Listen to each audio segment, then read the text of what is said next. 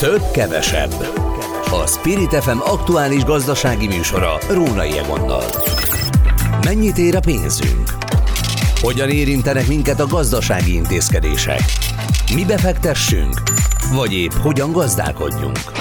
Minden, ami a pénztárcánkat érinti. Tisztelettel köszöntöm a Spirit FM hallgatóit, a mikrofonnál Róna Jegam. Ez a több-kevesebb a Spirit FM gazdasági magazinja. Munkaerőpiaci helyzet, kilátások, lehetőségek, hát nyilván leginkább a bérkérdések érdeklik az embereket, de a munkaerőpiac nem csak a bérezésből áll, hanem a lehetőségekből is. Ennek is utána megyünk, hogy egyáltalán milyen lehetőségek vannak. Amikor leáll mondjuk egy Lufthansa méretű légitársaság, mert sztrájkolnak a légirányítók, vagy éppen a stewardessek, akkor egész Európában hatalmas hatalmas kalamajka keletkezik a légi közlekedésben. Hogy lehet ezt kivédeni, milyen kerülőutakat lehet választani akkor, amikor Európa közepén gyakorlatilag nem repül senki. Ezt fogjuk megkérdezni majd egy szakértőtől, aztán meg majd megtudjuk azt is, hogy vajon miért háborog az európai, és miért a nyugati gazdatársadalom, mert arról bőségesen hallunk, hogy nálunk, vagy éppen az ukrán határ környékén a szlovák, a lengyel, a román vagy a magyar gazdák miért tiltakoznak, de tiltakoznak a spanyolok, a portugálok, a németek, mindenkinek van valami baja. A francia tiltakozást még Orbán Viktor személyesen is megtekintette. Úgyhogy megtudjuk, hogy mi a baj az európai mezőgazdasággal. És a végére mi a helyzet a lakáspiacon 2024 elején? Az első egy-két hétben a várakozások voltak nagyok, most lehet, hogy a forgalom is, ennek is utána járunk a mai műsorban.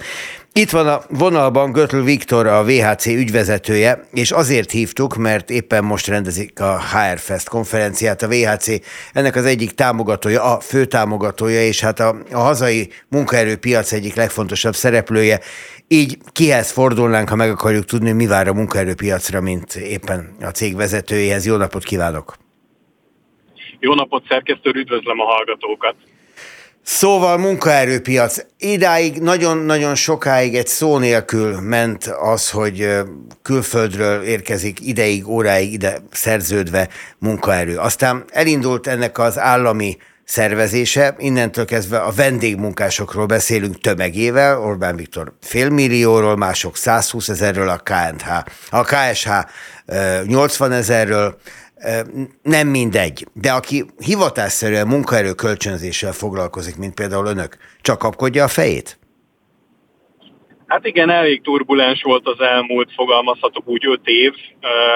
A külföldről érkező munkaerő egyébként Magyarországon már évtizedek, vagy legalább egy évtized óta jelen van, az, hogy ez az utóbbi években, vagy az utóbbi évben kapott egy ilyen külön címkét, vagy címzést, hogy vendégmunkás, ugye talán ez az új fogalom, ami kering a médiában is, de hát uh, itt vannak velünk már régóta Európai Uniós állampolgárok, akik dolgoznak a magyar munkaerőpiacon, Romániából is dolgoznak, Szlovákiából is dolgoznak Magyarországon, EGT-s vagy Európai Uniós egyéb államokból is dolgoznak Magyarországon, tovább megyek, uh, szerb és ukrán, ukrán munkavállalók is dolgoztak már az elmúlt 6-7-8 évben a magyar munkaerőpiacon, tehát igazából ez az egész külföldi munkaerő téma, ez nem újdonság, inkább talán csak a vendégmunkás fogalom lett újdonság az elmúlt egy évben. Hát meg a mérték. Ugye igazából az, arra kapták fel az emberek a fejüket, amikor Orbán Viktor először kimondta, hogy félmillió vendégmunkásra van Magyarországon szükség.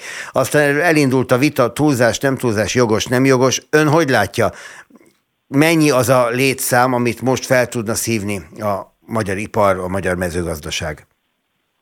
Hát ugye eleve a munkaerőpiacnak az induljunk a nulladik pontjáról, hogy ez is egy piac. Az azt jelenti, hogy kell legyen, és bocsánat, hogy most ezt mondom, eladható mennyiségű munkaerő, vagy használható mennyiségű munkaerő, inkább ez a jó fogalom, ez azt jelenti, hogy ha a magyar társadalom demográfiai okokból 2030-ig lecsökkent, tehát például egy olyan 300 ezer ember nyugdíjba megy 2030-ig, és ez a szám ez körülbelül egyébként reális is, akkor jelenleg a 4,7 millió munkavállalóból 300 ezer munkavállaló el is fog fogyni demográfiai okokból.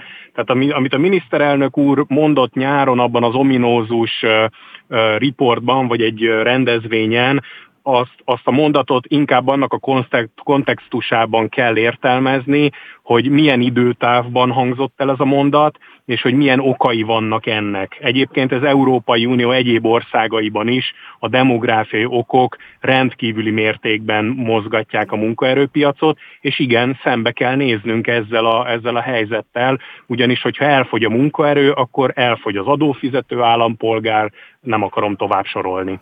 Az hangzott el a HR Festen, hogy a minimál bérrel nincs vége az emelések sorozatának, mert hogy egyrészt tovább kell emelni, egészen el kell jutni oda, hogy az Európai Uniós átlag 60%-át elérje, ettől elég messze vagyunk. Másrészt az is elhangzott, hogy a munkavállalóknak eléggé kreatívnak kell lenniük ahhoz, hogy megtartsák a munkaerőt, mert például a fiatalok kevés előnyért is simán munkahelyet változtatnak. Milyen trükköket, milyen megtartó erőket, milyen ötleteket lát a piacon? Igen, hát Őszintén szólva én örülök annak, hogy, vagy hát részben örülök annak, mert én is egyrészt munkáltató vagyok, de részben örülök annak, hogy inkább az a probléma, hogy a fiataloknak bőven van lehetősége válogatni, vagy egy munkavállalónak bőven van lehetősége válogatni. Szerintem ez a jobbik helyzet, mint hogyha mondjuk hosszú sorokban állnánk, hogy egyáltalán legyen munkánk, vagy nem. Na most nyilván a munkáltatókat ez az első, vagy az előző pár mondatom ez nem, nyugt, nem nyugtatja meg, mert hogy a megtartás, a fluktuáció, az, hogy valakit betanítunk, elkezd dolgozni, de aztán valami nem tetszik neki, és hónapokon belül odébb áll, ugye ez, ez nagyon nem jó egy munkáltatónak, ez, ez, ez rendkívül költséges, emiatt nem tud haladni, nem tud termelni, nem tud szolgáltatni, Úgyhogy nyilván a munkáltatóknak nagyon kreatívnak kell lenni, hogy ne, ne csak a bér legyen az az egyetlen kötél, ha fogalmazhatok így, amivel úgymond egy biztonsági kötél, amivel magukhoz kötik a, a munkavállalókat, hanem legyenek egyéb olyan módszereik, béren kívüli juttatás, vállalati kultúraépítés, képzés, fejlesztés, amire azt mondja egy munkavállaló, hogy hát végül is a szomszéd cégnél mondjuk 20 ezer forinttal többet ajánlanak, de igazából a mostani cégemnél annyira jó a kollektíva, és annyira klassz, hogy minden évben van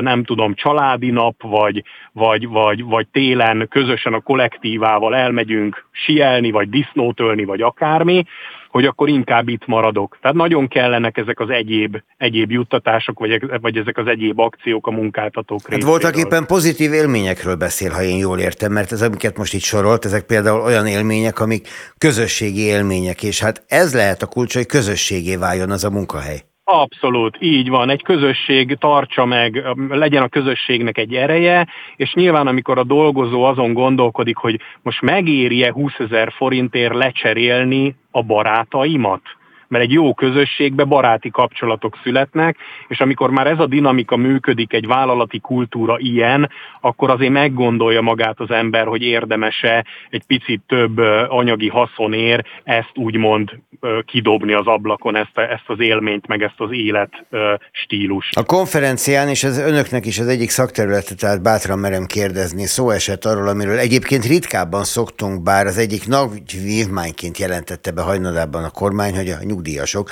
szövetkezetekbe tömörülve munkát vállalhatnak a nyugdíjuk mellett, és hát ez egyfajta speciális munkáltatási forma is egyúttal. Mennyire vált ez be, és mennyire terjedt el, illetve hát ez nyilván nem csak a nyugdíjasokról szól, mert tudjuk, hogy ott vannak a diákok, akik a diákszövetkezetekben dolgoznak, de például az aktív munkavállalók korúaknál mennyire jelent ez meg ez a szövetkezeti forma?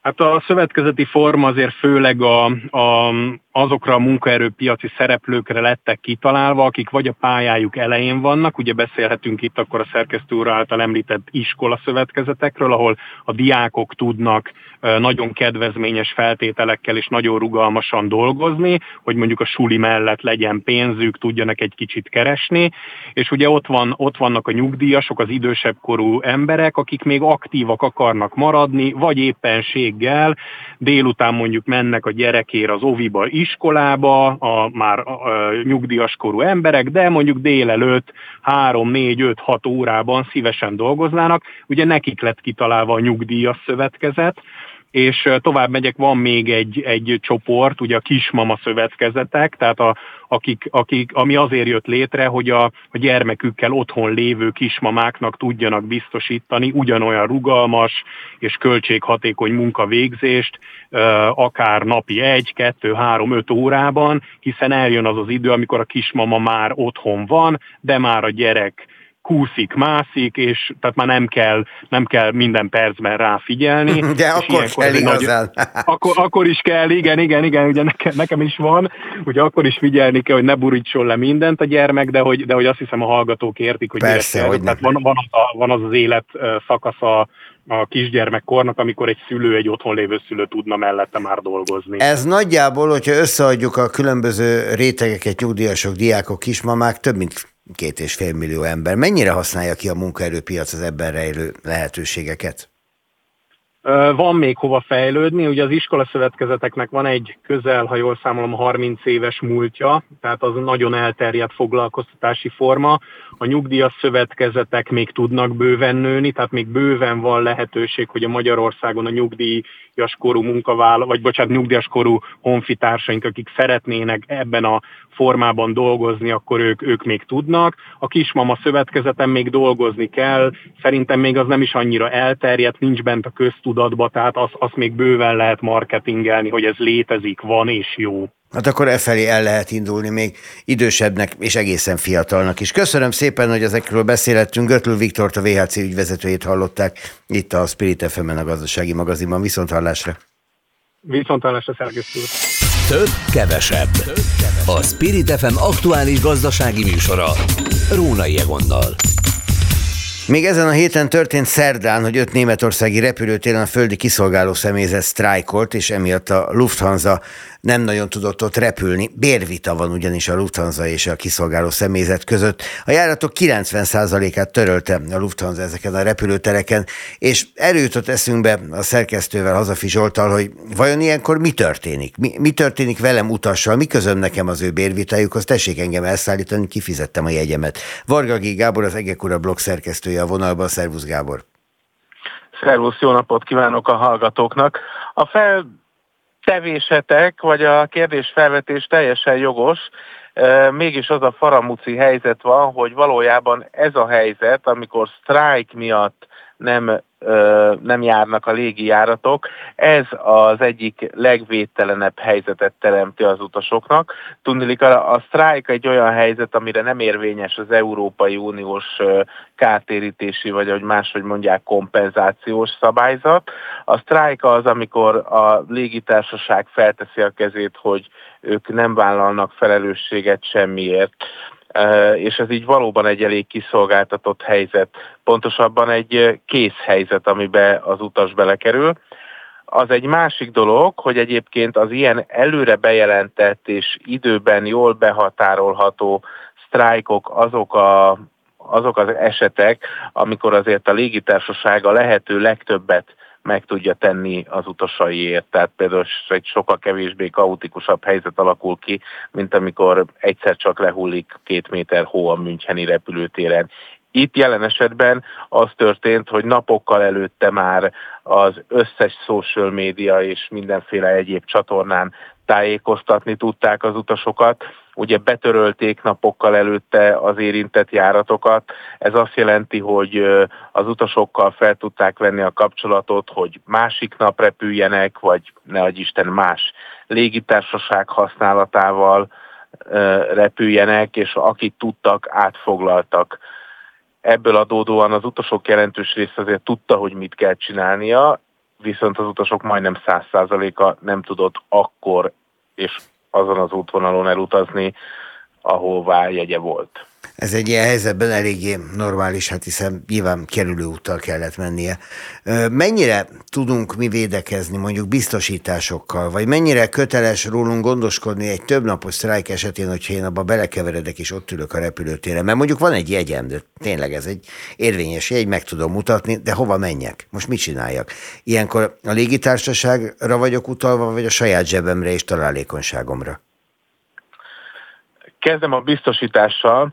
A, ahogy már mondtam, a sztrájk az egy viszmajor helyzet, szinte minden szerződéses esetben. Ez azt jelenti, hogy a biztosítások sztrájk esetén szinte semmit nem érnek abból a szempontból, de hát ezt tudjuk, szóval a, nem, nem térítenek a biztosítások. Néhány fajta nagyon prémium és nagyon drága utasbiztosítás nyújt erre fedezetet, de azt hiszem, hogy nagyon-nagyon szinte egy kezünkön meg lehet számolni, hogy hány embernek van Magyarországon ilyen szintű védettsége, vagy védelme. Ami, ami a, hogy mit tehet az utas, ugye ilyenkor sajnos az a ökölszabály, vagy a hüvelykúj szabály az az, hogy az utasnak saját pénzéből, saját erőforrásaiból kell hazajönni, hogyha, hogyha ő nem tudja, tehát hogyha mindenképpen el kell utaznia, vagy haza kell jönnie. Tehát ugye azért ezek a sztrájkok általában nem tartanak napokig, ez az egynapos sztrájk, ez szerintem ez a, ez a legdurvábbak egyike. Itt, hogyha ennyi rugalmasság nincs az utasban, akkor, akkor, akkor azt kell, hogy mondjam, hogy saját költségén kell megoldani az utazást, és utólag le lehet verni a légitársaságon természetesen. Uh-huh.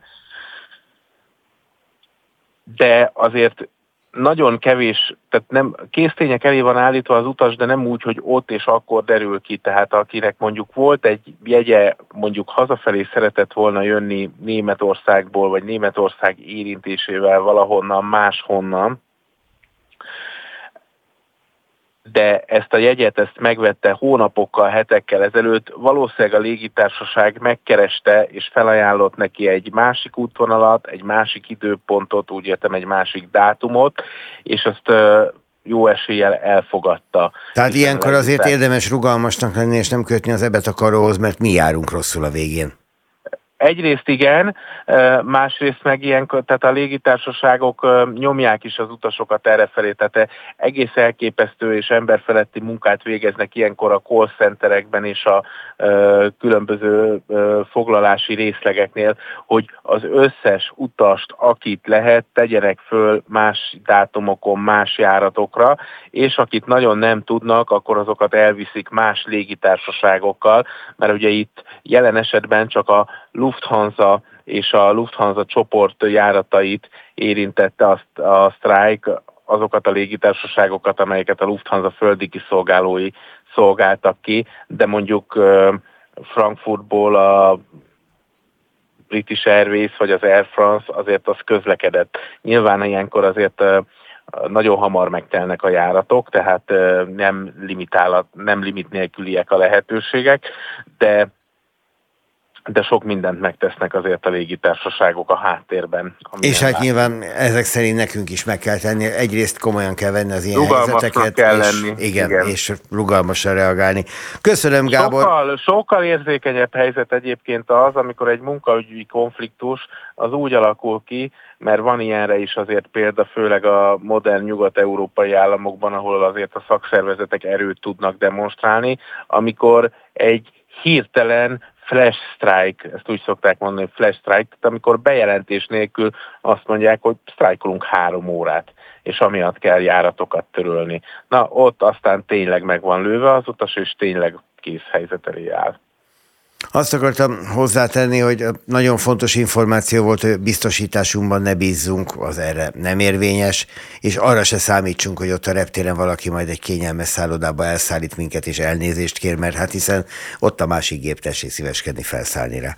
Nem, ilyenkor az szokott történni, hogy a vasútállomás felé megmutatják az irányt. Igen, az még egy másik alternatíva. Mondjuk, a nagyon messziről akarsz hazautazni, biztosan nem a legjobb. Varga G. Gábor, az Egek Ura blog szerkesztője volt a vonalban. Köszönöm Köszönöm, Gábor, szia! Szervusztok! Több, kevesebb. A Spirit FM aktuális gazdasági műsora. Rónai Egonnal. A gazdasági magazint hallják továbbra is itt a Spirit fm több-kevesebb a műsor címe. Hát most Tiltakozásból inkább több, mint kevesebb jut Európának. Amerre nézünk, a gazdák háborognak keleten, elsősorban az Európai Unió keleti végein azért, mert az ukrán gabona szorítja őket a nyugati végeken pedig a legkülönbözőbb okoknál fogva. Legkevésbé az ukrán gabona miatt, mert a hírek szerint annak még örülnek is, mert segíti a takarmányozást. Sokkal jobban például a gázolaj ártámogatásának elvétele, a locsolás, az öntözési rendszerek támogatásának csökkentése, és, és hasonló ilyen okok vannak. Itt van a vonalban Konc Máté, agrármérnök, a mezőgazdasági szövetkezők és termelők országos szövetségének elnökségi tagja. Jó napot kívánok! Szép napot kívánok, üdvözlöm a hallgatókat! Az, hogy ilyen általános lett 2024 elejére a gazda tüntetések sora Európa szerte, az azt mutatja, hogy összeérnek a bajok, vagy egyszerűen csak időben értek össze, és ezek különböző ügyek? Érdekes a, a kép, ugyanis ám bár valamilyen szinten összecsengő ügyeknek tűnik, de a, a mélyben a színfalak közül mögött meggyőződésem, hogy némiképp más erővonalak húzódnak, mint az elsőre kívülről látszik. Ugye a tüntetés Németországban indult, és, és mindenki fokozódó figyelemmel kísérte azokat a képeket, amikor az autópályákon és a Brandenburgi kapu előtt hát szokatlanul nagy számban jelentek meg traktorok. A német gazdálkodók akkor egy oldalról a jövedéki adó kedvezményeik megnyírbálásáért, másrészt pedig a gépjárműadó kedvezményük eltörléséért horkantak föl és emelték föl előbb a fejüket, majd a hangjukat. Mm, de hozzájuk, hogyha visszaemlékszünk, már rögtön az elején csatlakoztak mozdonyvezetők és kamionosok is. Kamionosok pedig ritkán szoktak a mezőgazdászok traktoradó kedvezményeiért tüntetni, tehát azért ott is látszik, hogy egy általános elégedetlenség volt az, ami több szektor összehangolt tüntetéséhez vezetett. Ehhez csatlakoztak később Franciaországban, Lengyelországban, majd az Unió más részein is gazdálkodók. Sok helyen egyébként hasonlóképp a jövedéki adó kedvezmények problémáját tűzték az ászlajukra, de igazából valahol mindez a mezőgazdaságban élők megélhetési nehézségeit, a jövedelempozícióknak a jelentős romlását és a, és a kilátások erős negatívba fordulását eredményezik, mert hát jövedéki adó problémák eddig is voltak, az elmúlt időszakban több országban változtak ezek a szabályozások, mégsem vonultak tucatjával utcára a gazdák, ráadásul ez a teljes képben azért egy pici szeletet jelent. Nem jelente problémát talán egész Európa számára az, hogy az a helyzet, ami eddig ismert volt a gazdák számára, amiben elhelyezkedtek, ami évtizedek, évszázadok óta egy adottság volt. Ezen a területen ilyesmit termesztünk, azon a területen olyat, ilyen módon vagy olyan módon. Ez kénytelen kelletlen át fog alakulni, és ez elkezdődött. Ugye nem csak a klímaváltozás, hanem a geopolitika is változtat a lehetőségeken. Szerintem ez egy, egy, egy olyan tényező, ami nyilván az ingerültséget, a feszültséget növeli. Az elhangzott már a németországi tüntetések során is, hogy a mezőgazdaság, különösképpen a növénytermesztés jövedelem pozíciója nagyon-nagyon sokat romlott, a kilátások pedig középtávon is rosszabbá váltak az elmúlt nagyjából két évben. Akkor még nem voltak hazai számok, ahogy erről beszéltünk is, viszont azóta már, már nagyságrendileg látszik, hogy mi történt, és meglepő mód, de azzal szem szembesültek többen, akik az Agrárminisztérium különféle hír, híradásait követték, hogy igen, minisztériumi vezetők, államtitkárok, helyettes államtitkárok kiálltak és, és elmondták tisztán, világosan és korrektül, hogy 2023-ban Magyarországon a szántóföldi növénykultúrák döntő többségének termesztése veszteséget eredményezett. Ilyen nem volt az elmúlt mondhatni évtizedekben. Ráadásul jelen pillanatban sem látszik, hogy ez nagyban változna, már ami a piaci hátteret illeti. Úgy volt ez különösképpen izgalmas, hogy összességében jó termések voltak, tehát a veszteséget nem az okozta, hogy a alacsony termés átlagokkal kellett volna számolni, hogy mondjuk mint 2022-ben a száj pusztította volna a termés, nem. Jó termések voltak 2023-ban, ellen, ennek ellenére az inputanyagok drágulása és a piaci árak csökkenése miatt um, veszteségeket szenvedtek el. Ez egy olyan feszültséget okoz, amelynek valahol ki kell törnie. Ez a jövedéki adó, gépjárműadó és egyéb kisebb adókedvezmények elvétele az az egyik fontos szelep, amelyen keresztül ez a, ez a feszültség levezethető. Látszik a reakciókon is, hogy nem minden esetben erről van szó. A bizottság elnöke, von der Leyen asszony bejelentette a hét közepén, hogy a komoly megszorításokat eredményező zöld mezőgazdasági célkitűzés csomagot teljesen visszavonják és újra gondolják. Jó kérdés, hogy ez ennek következménye. Látszólag igen, de ha kicsit mögé nézünk, ebben olyan vállások voltak, így növényvédőszerek felhasználás, vagy műtrágya felhasználás csökkentése, amelyek nem voltak kellőképpen kidolgozva, és a megelőző formájában gyakorlatilag teljesíthetetlen volt. Ezt vonták most vissza. Kérdés azonban, hogy ez tényleg a gazdaságnak szólt, a mezőgazdaságnak szólt, tényleg a mezőgazdálkodókat akarták ezzel egy picit nyugtatni, vagy pedig annak az általános nyugtalansági helyzetnek, ami Németországban komoly belpolitikai problémákat is okoz, és szélsőséges politikai megnyilvánulások előbetörését segíti. Valószínűleg ez is benne volt akkor, amikor a német származású bizottságelnök azt mondta, hogy bármi módon, de a bizottságnak is hűteni kell a kedélyeket Németországban. Összességében ez abban mutat, hogy sokkal összetettebb és minden bizonyal nem csak szakmai, mezőgazdasági kérdések mozgatják jelen pillanatban azokat a tüntetőket, akik az utcán vannak Európa szerte. Hát az, hogy ez politika is, ez az első pillanatot persze nyilvánvaló volt. Ha arról beszélünk, hogy Portugáliától Lengyelországig tüntetnek, akkor azt is látnunk kell, hogy ezek végül összeérhetnek, vagy, vagy megmaradnak ilyen a helyi viszonyokhoz valamelyest aklimatizálódó saját problémákat felvető tüntetéseknek.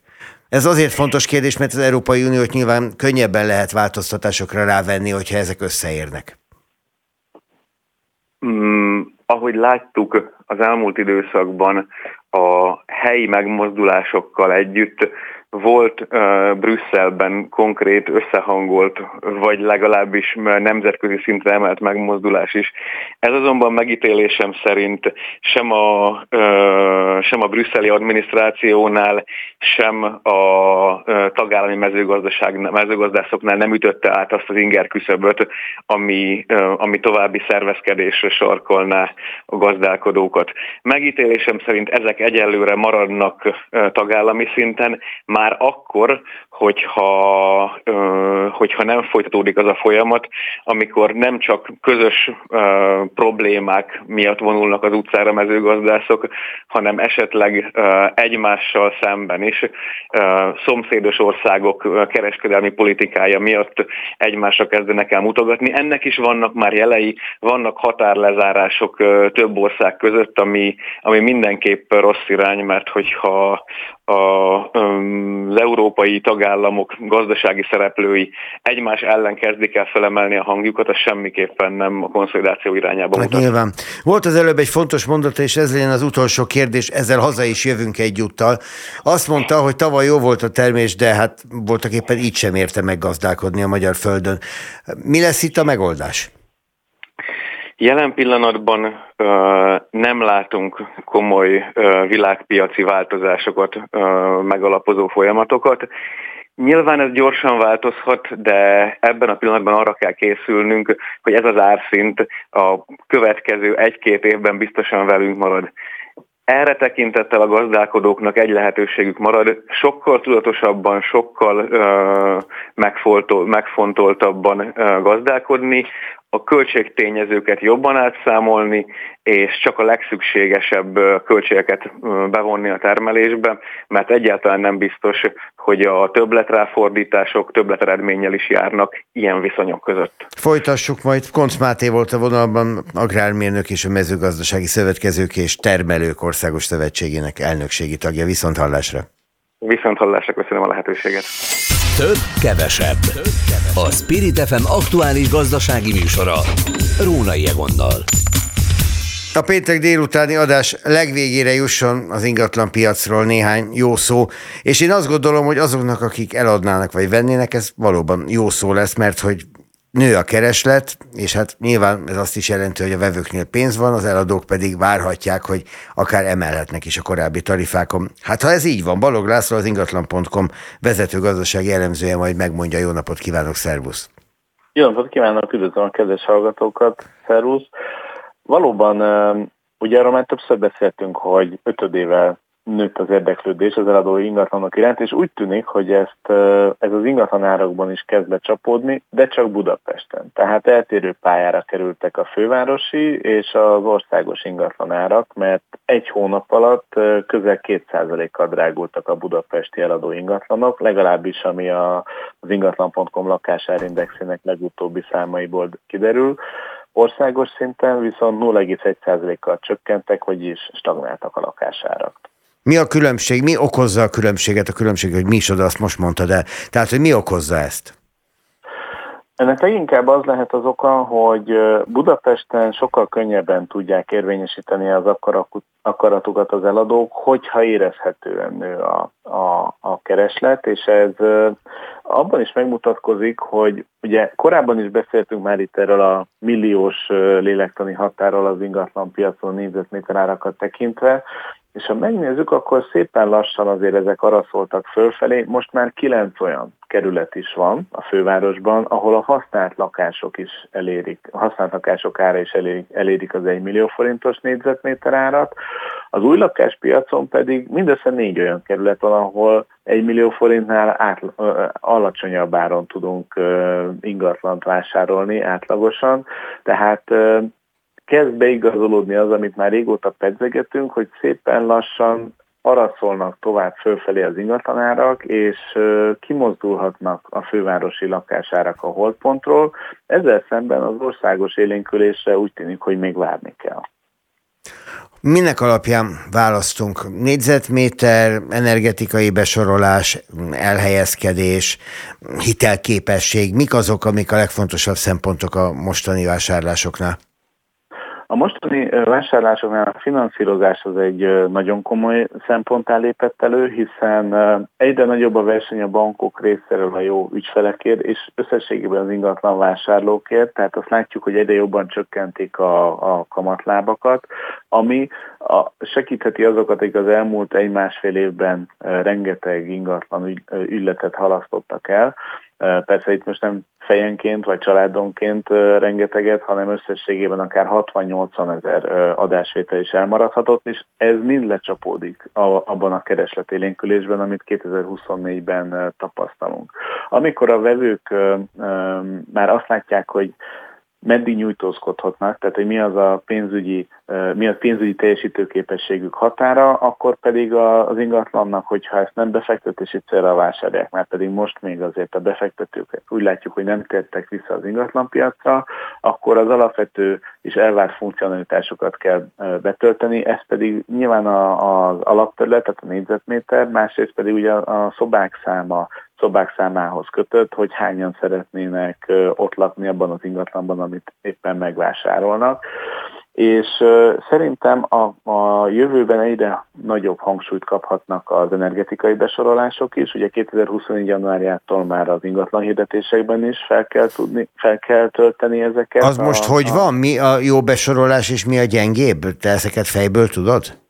Hát ez átalakult január 1 Azért kérdezem. Kétbetűs, kétbetűs besorolások voltak az ABC-nek megfelelően A-tól J-ig. Most viszont, most viszont már van A++ is, és, és, és, és ugyanúgy a HI J kategóriáig elmennek a, a besorolások. Ez Tehát nyilván ez az A, B és ez a jobb kategória. Igen, de itt azért ez, ez csalóka lehet, mert a korábbi besorolásoknál, hogyha például egy ingatlannál azt látta a vásárló, hogy ez CC-nek felel meg, és tudta mindenki, hogy az AA a legjobb, akkor egy picit húzták a szájukat, hogy hát ez azért nem a legjobb, viszont a CC az még kiemelkedő kategóriát, kiemelkedően jó kategóriát képvisel. Ugyanez igaz jelenlegi helyzetre is. Itt általában az egy négyzetméterre vetített éves energiafogyasztáshoz kötik, az A plusz, plusz, plusz, az a nulla. Konkrétan mhm. a passzív házak esetére vonatkozik, de itt még a, a B kategóriás, tehát a negyedik kategória is ö, ö, nagyon kedvező energetikai szempontú besorolású ingatlanoknak felel meg, tehát hogyha valaki vásárol és nem a legjobbat látja az energetikai tanúsítvány, akkor se kell, hogy elkeseredjen, már csak azért sem, mert a hazai ingatlanállomány olyan rossz bőrben van, hogy az eladott ingatlanok 60%-a vagy annál rosszabb, átlag, vagy annál 60%-a átlagos, vagy annál rosszabb energetikai besorolású. Tehát ezért is gondolom, hogy itt a vált, folyamatosan változó energiaárak miatt ez nagyon fontos szempont lehet előbb-utóbb az ingatlan vásárlóknak. Mond a, még... a, a hitelintézetek is fontosnak látják? Tehát értékelik azt, hogy egy hosszú távon is értelmes beruházásra kérem a hitelt?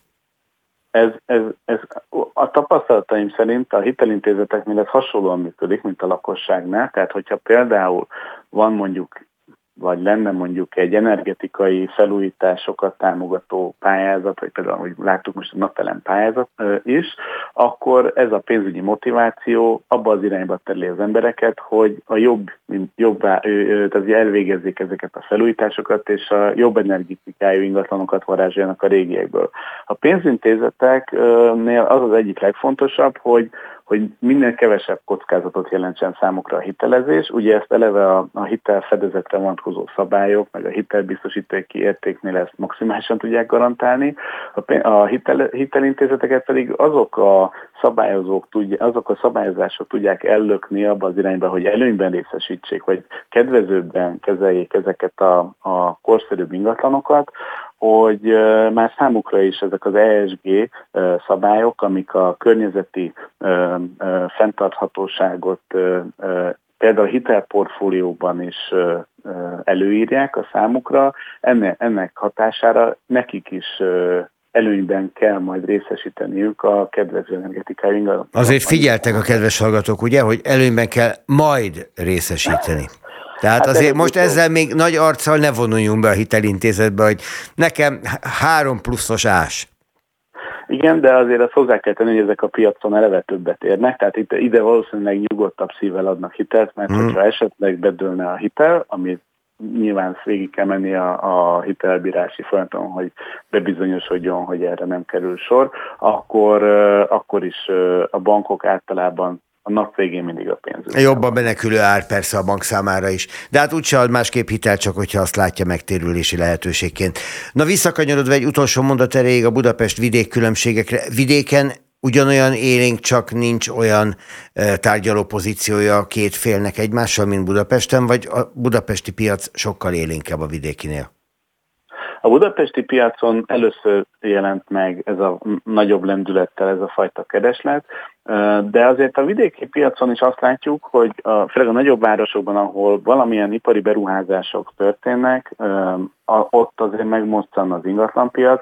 Jó példa erre nem csak Debrecen, amiről már többször szó esett korábban, ott az autóipari meg akkumulátor gyárberuházások kapcsán, de például az új lakások piacán Zalaegerszeg lett a második város, ahol elérték az új építési ingatlanok átlagos négyzetméterára ez 1 millió forintos lélektani határt, és ott is ez azt jelenti, hogy, hogy a kínálat is megsokszorozódott, tehát korábban tavaly ilyenkor még 12 darab új lakás kínáltak eladásra, most 45-öt. A használt lakásoknál is eddig 400 darab volt a kínálatban, most meg 540, tehát ott látszik, hogy éledezik a lakáspiac, ugye ott, egy, ott is egy védelmi ipari beruházás történt, ennek következtében a a, a lakhatási igényekre is nagyobb kereslet mutatkozik, és mivel alapvetően például az Zalaegerszeg ingatlanpiac nem volt egy olyan kiemelkedő forgalmú, ott már egy ilyen uh, mozgás is a keresletben jelentős változásokat okozhat az új lakások áraiban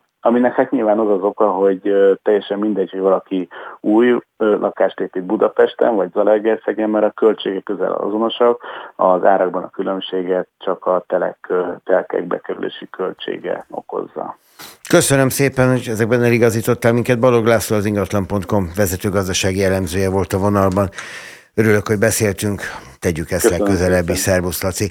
Még annyit mondanék kedves hallgatóknak, hogy ez a hét, ez a KSH friss adatairól is szólt, erre nyilván a jövő héten majd visszatérünk, mert hogy 4% alatti inflációs adatot nagyon-nagyon régen nem láttunk a magyar gazdaságban, az örömteli adatok magyarázatát is érdemes mellé rakni, úgyhogy ezt majd a jövő héten megtesszük. Jó hétvégét kívánok azoknak, akik ezt a műsort most péntek délután hallgatták, kellemes hétkezdetet, akik majd a hétfő délelőtti ismétlést. Új adással legközelebb hétfőn 16 órakor jelentkezünk itt a Spirit fm viszont hallásra Rónai Egont hallották.